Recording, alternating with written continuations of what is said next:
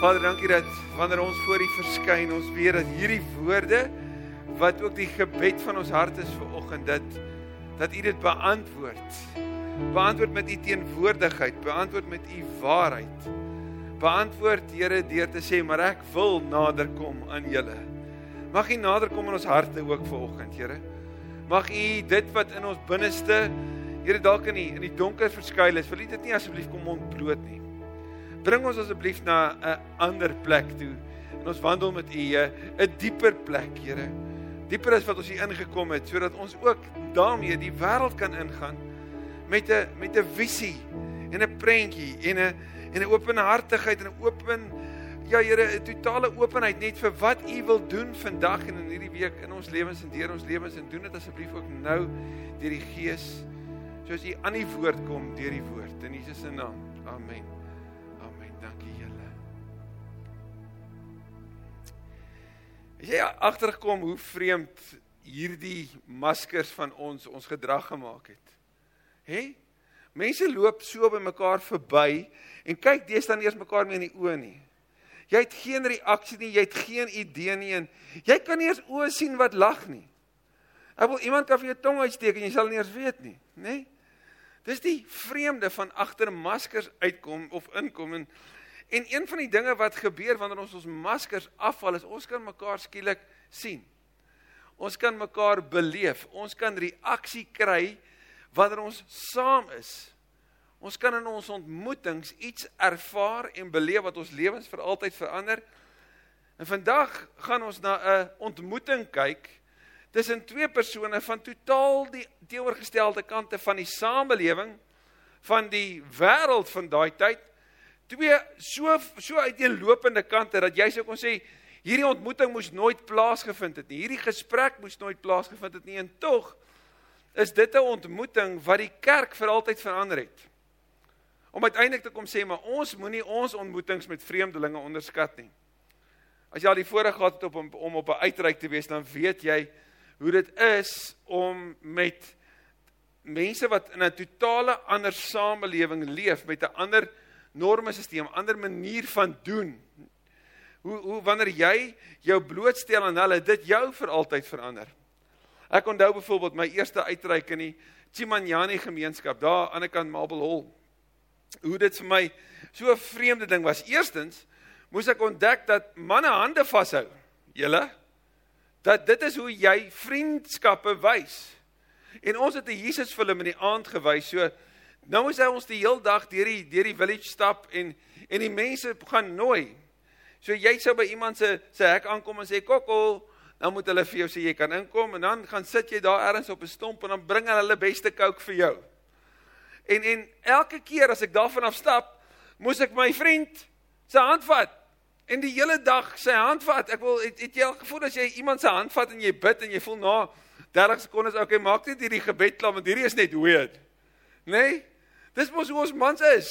Okay girls, so en ek moes ontdek dat wanneer ek hier in in ons omgewing sou sou rondry en ek sien twee manne se hande vashou, dan beteken dit hulle sê vir die wêreld ek assosieer met jou. So ek moes ontdek in daai tyd, dit was vir my 'n geweldige voorreg dat hierdie man in sy omgewing vir almal vir wie ons gaan kuier sê hierdie Legoa hier langs my is my broer. Ek assosieer met hom. En ek onthou die eerste keer toe ons by een van hierdie huisbesoeke by 'n uh, 'n tannie uitgekom het en toe sy hoor ons is Christene, toe sê sy nie ons moet eers sit.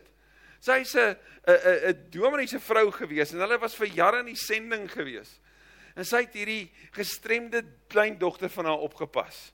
En sy sê dit was haar verjaarsdag die volgende dag. So ons moet asseblief kom, ons moet kom saam eet. Nou die volgende dag sou ons span se vasdag gewees het. So ons het gesê ons kom. En ons hele span het op baie uitreik die volgende dag gegaan en dit was my eerste blootstelling gewees in daai konteks om by ander te gaan eet. Was die lekkerste kos en die lekkerste kuier en die liefde wat daai tannie teenoor ons weet bewys het. Het dit eintlik beteken dat ons baie ryker daar weggegaan het. Jy weet jy dink jy gaan vir iemand iets goeds doen. Dan stap jy weg en dan sê maar dit het my lewe verander. Dis hierdie onverwagse ontmoetings wat ons lewe vir altyd verander. En as jou Bybel dalk naby is of as jy dit op jou foon wil kyk, ons gaan lees uit Handelinge 10. hierdie verhaal is so spesiaal dat dit twee keer vertel word in Handelinge. En die die agtergrond hiervan natuurlik is Jesus se manier van optree teenoor mense en veral teenoor vreemdelinge. Want sien Petrus sou by Jesus geleer het dat Jesus die die die die man was wat verzoening kon bring het op 'n totale ander vlak.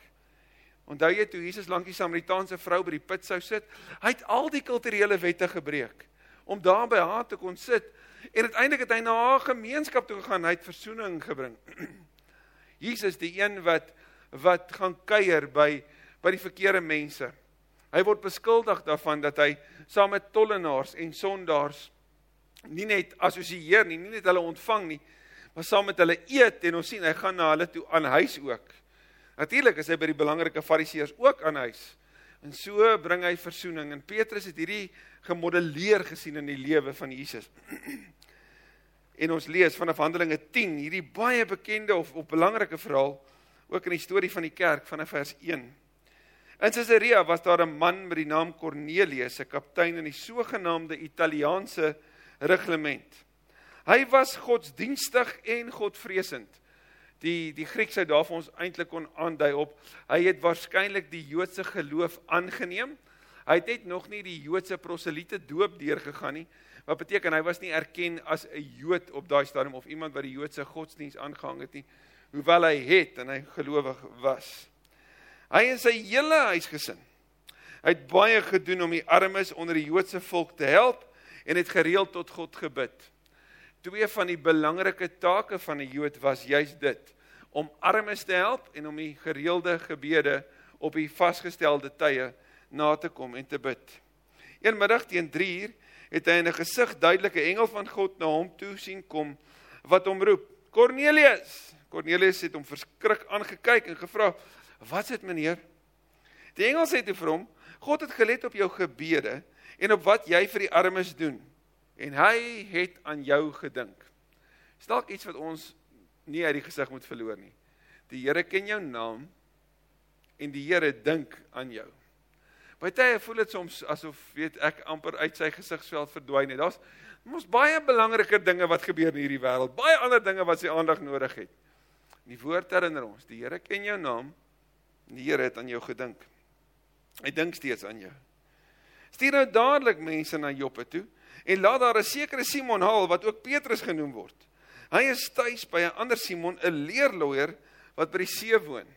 Jy sê jouself kon vra maar hoe het Petrus wat die leier van die gemeente, een van die drie pilare leiers van die, van die gemeente in Jerusalem was, hoe het hy in Joppe uitgekom? Want die eerste 15 jaar na die hemelvaart hierdie kerk geweldig ontplof in die omgewing van Jerusalem.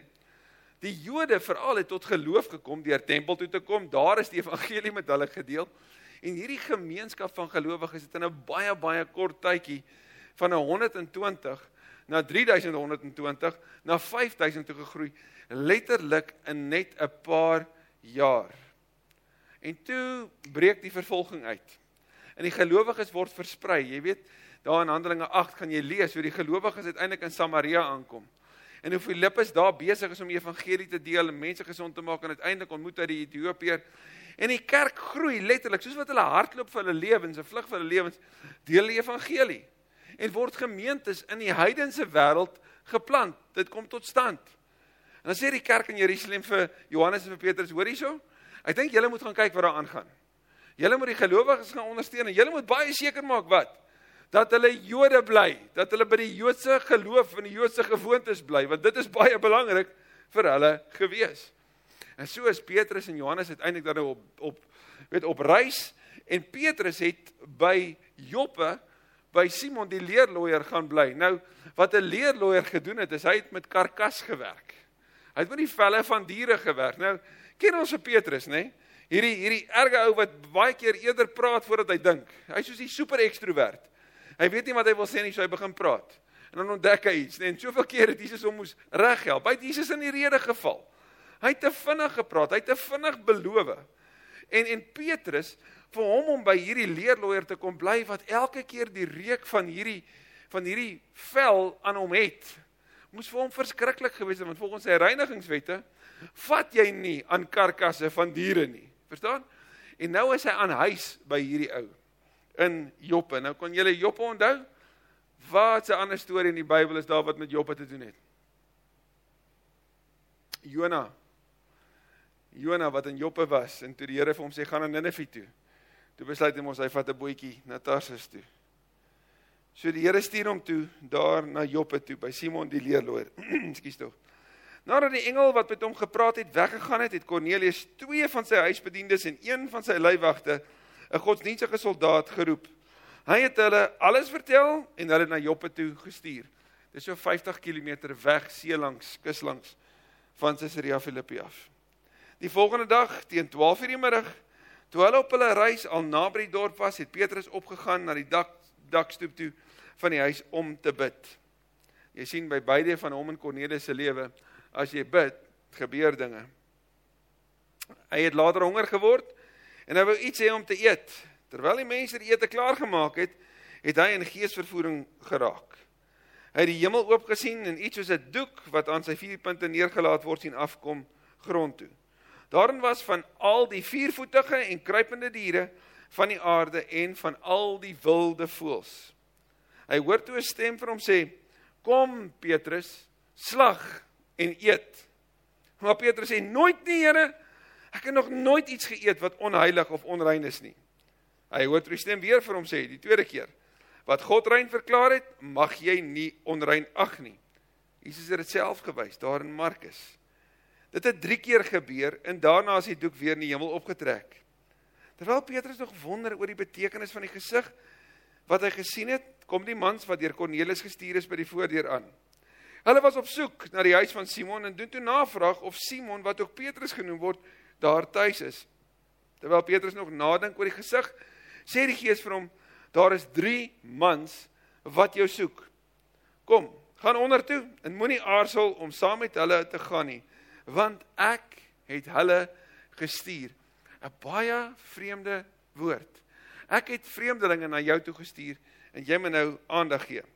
Petrus het toe onder toe gegaan en dis interessant hoe Petrus se onder toe gaan uiteindelik sal lei na Petrus se opgaan. Baie soos Jona. Jona gaan af. Van Joppe af gaan hy af. Uiteindelik gaan hy af na die bodem van 'n skip toe. Nee, die bodem van die see toe. En daar in die donkerste donkerste dieptes van sy lewe ontmoet hy die Here en gaan hy uiteindelik na Ninive toe, die plek van die vyand van God die plek waar die van die vyande van Israel. Dis hoe hulle dit gesien het. En nou moet hy met 'n boodskap van van verwoesting na hulle toe gaan. En nadat hy die witste joetjie van alle tye 3 dae in die maag van 'n vis was, kom hy met die slegste preek van alle tye. En wat is die gevolg? Die grootste bekering van daai tyd. Die mense van Ninive kom tot inkeer. So Jonas se afgaan lei uiteindelik tot die plek waar hy toeganklik was, waar hy oop was vir die werk van die Here deur sy lewe. Petrus het toe onder toe gegaan en vir die mans gesê: "Hier is ek, dis vir my wat julle soek. Waarom is julle hier?" Hulle antwoord: "Kaptein Kornelius, 'n opregte en godvreesende man vir wie die hele Joodse volk hoë agting het, het 'n openbaring deur 'n heilige engel gekry wat hy u na na die huis toe moet moet moet laat haal om te hoor wat u te sê het." Petrus nooi hulle toe in en hy gee vir hulle huisvesting. Interessant hoe Petrus die rol van die gasheer hier inneem. Petrus sê kom julle, dis asof hy Simon se huis oorneem. En hy gee vir hulle huisvesting, hy gee vir hulle kos. Die volgende dag het hy en 'n paar van die gelowiges in Joppe saam met hulle gegaan. En 'n dag later in Caesarea aangekom. Kornelius het hulle al verwag en het sy familie en huisvriende reeds bymekaar geroep. Nou julle, jy het 'n Jood wat na die hoof van die leer van die Italiaanse reglement wat deel was van die Romeinse ryk wat na sy huis toe gaan. 'n Jood meng nie met 'n Samaritaan nie. 'n Jood meng nie met 'n tollenaar nie en 'n Jood meng verseker nie met die leier van die reglement van die vyand nie. Wat gaan soek hy by sy huis? En vir Petrus om soontoe te gaan beteken die Here het al baie met hom beweeg. Dink net bietjie die skuwe wat hy moes maak. Verstaan? Die eerste keer toe hy Jesus ontmoet, was hy 'n visser. Toe moes hy ontdek maar Jesus is die Here. Toe moes hy ontdek dat Jesus is die lydende Messias. Hy het nie gekom om die die Jode om om die Romeine omver te gooi nie. Hy het gekom om sy lewe te gee. Hy het dit nie verstaan nie. Hy het drie keer gesê nee, ek ken nie hierdie nie. Ek verstaan nie hierdie nie. En toe is hy na die opstanding geleer, hoorie, maar daar's toewyding en genade in Christus en en hy word toe die rots. En toe skuif hy verder want toe word hy die leier van die kerk en nou moet hy preek en hulle moet diakens aanstel en hulle moet allerlei dinge doen om om hierdie be beweging wat al hoe meer groei om dit aan die gang te hou. En toe kom die vervolging. En hy stap die pad agter Christus aan. sien julle al sy skuwe van deur af wat hy moes maak. En hier's nog 'n groot skuif en 'n belangrike skuif in sy lewe. Toe Petrus daar kom met Kornelius om te gemoed gegaan, vers 25, en eerbiedig voor hom gekniel. Maar Petrus hom het hom laat opstaan en gesê: "Staan op. Ek is self ook maar net 'n mens." Terwyl Petrus met Kornelius praat, gaan hy die huis binne waar hy baie mense bymekaar aantref. Vir Petrus om in daai huis in te gaan, sou vir 'n Jood die laagste laagste plek wees om heen te gaan. En hy sê vir hulle: "Julle weet dat 'n Jood nie met iemand met 'n ander volk mag omgaan of by hom in die huis mag kom nie, maar God het vir my gewys dat ek geen mens as onheilig of onrein mag beskou nie. Daarom het ek sonder hom te te stribbel gekom." toe julle my laat haal het. Sê nou vir my, waarom het julle my laat haal? Cornelius antwoord: 4 dae gelede, so teen 3:00 die middag, was ek in my huis besig om te bid. Toe staan daar skielik 'n man met blink klere voor my en hy sê: "Cornelius, God het jou gebed verhoor en gelet op wat jy vir die armes doen. Stuur iemand na Joppe toe en laat vir Petrus wat ook eh, Simon wat ook Petrus genoem word, daar haal. Hy is tuis by 'n ander Simon, 'n leerloier wat by die see woon." Ek het dadelik mense na na na u toe gestuur en dit was so goed om te kom. Ons is nou almal hier in die teenwoordigheid van God om te hoor wat die Here alles aan u opgedraai het. En dan begin Petrus. Toe het Petrus aan die woord gekom. Waarlik, ek begryp nou eers dat God nie onderskeid maak nie, maar uit enige volk die mense aanneem wat hom vereer en doen wat reg is en dan deel hy met hom die evangelie. En dan kom Petrus, ag Cornelius en al sy mense tot inkeer. Hierdie onverwagse ontmoeting het geweldige rimpelings gehad. Vir Cornelius en sy gesin moes hulle ontdek Christus is die Here. Jesus is die verlosser, niemand anders nie. Maar vir Petrus moes hy ontdek Jesus is die Here van almal. Hy's die Here van almal en die effek daarvan op sy lewe het gemaak dat hy hiervandaan terug uiteindelik is Jerusalem toe. In Handelinge 15 is daar hierdie groot vergadering wat hy uiteindelik opstaan en en saam met Jakobus aan aan die woord kom. En en hulle deel met hierdie vergadering hierdie werk van die Here onder die heidene en die groot besluit is ons gaan die die kerk in die in die heidense wêreld ons gaan hulle be, bemagtig en ons gaan hulle los om nie onder die Joodse wette in te val nie. Hulle moet net nie vleis wat aan afgodsoffers ehm um, of afgode geoffer word eet nie en hulle moenie seksueel losbandig wees nie. Verder kan hulle laat waai. Ons gaan nie vir hulle ons 600 wette gee nie. Ons gaan nie vir hulle ons vasgestelde reëls gee nie. En weet julle wat doen Petrus van daarna want hy verdwyn van die toneel af na Handelinge 15. Hy's Antiochië toe. En in Antiochië sien ons dat die Christene nie meer bekend staan as 'n Joodse sekte nie. Jy gaan dit lees in Handelinge 11. Vir die eerste keer word die gelowiges in Antiochië in hierdie heidense wêreld Christene genoem. En van Antiochië af beweeg hy na Korinte toe. Uiteindelik eindig Petrus die Jood in Rome saam met Paulus. In die verste heidense wêreld, in die hoofstad van die heidene. En daar deel hy die evangelie en sterf hy aan 'n kruis onderste bo in sy toewyding aan Christus. Onverwagse ontmoetings kan ons lewe vir altyd verander. As ons oop is vir wat die Here wil doen. Gesprekke met vreemdelinge wat anders as ons dink, wat uit 'n ander wêreld uitkom en wat dalk vanuit ons agtergrond ons dalk sou kon beskou as die vyand kan ons lewens vir altyd verander as ons weet Jesus is die Here van almal. Want sien uiteindelik was dit nie ek wat na die gemeenskap van Simanjani toe moes gaan om vir hulle iets te doen nie.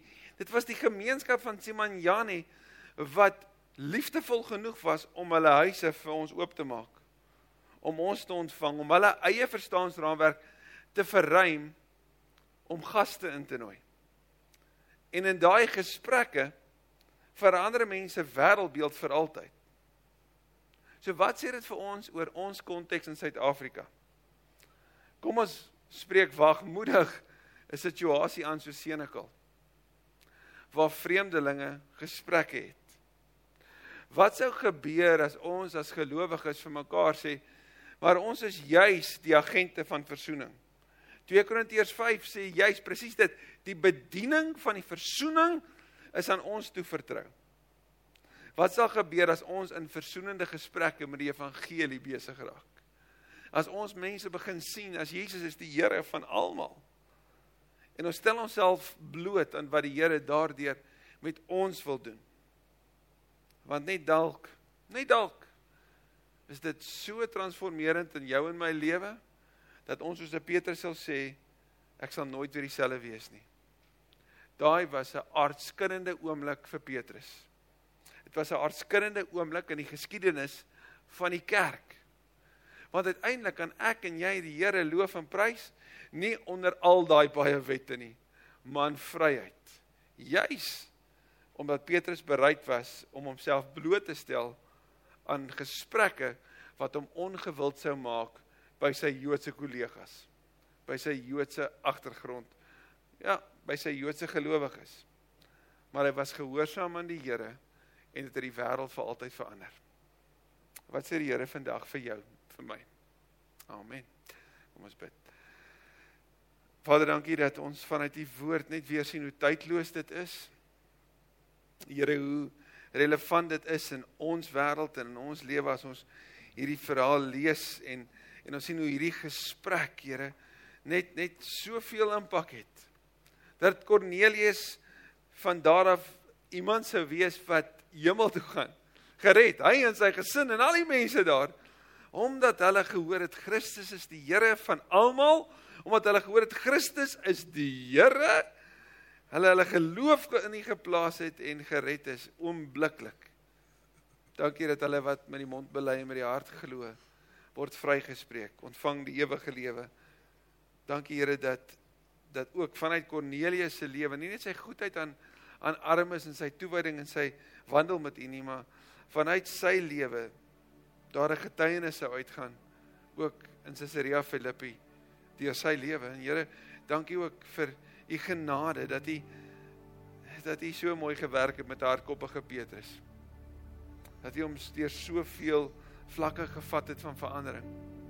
Dat ons 'n resultaat kan wees van dit wat U deur hom en in hom gedoen het. Maar dankie dat U dit ook met my en met ons wil doen.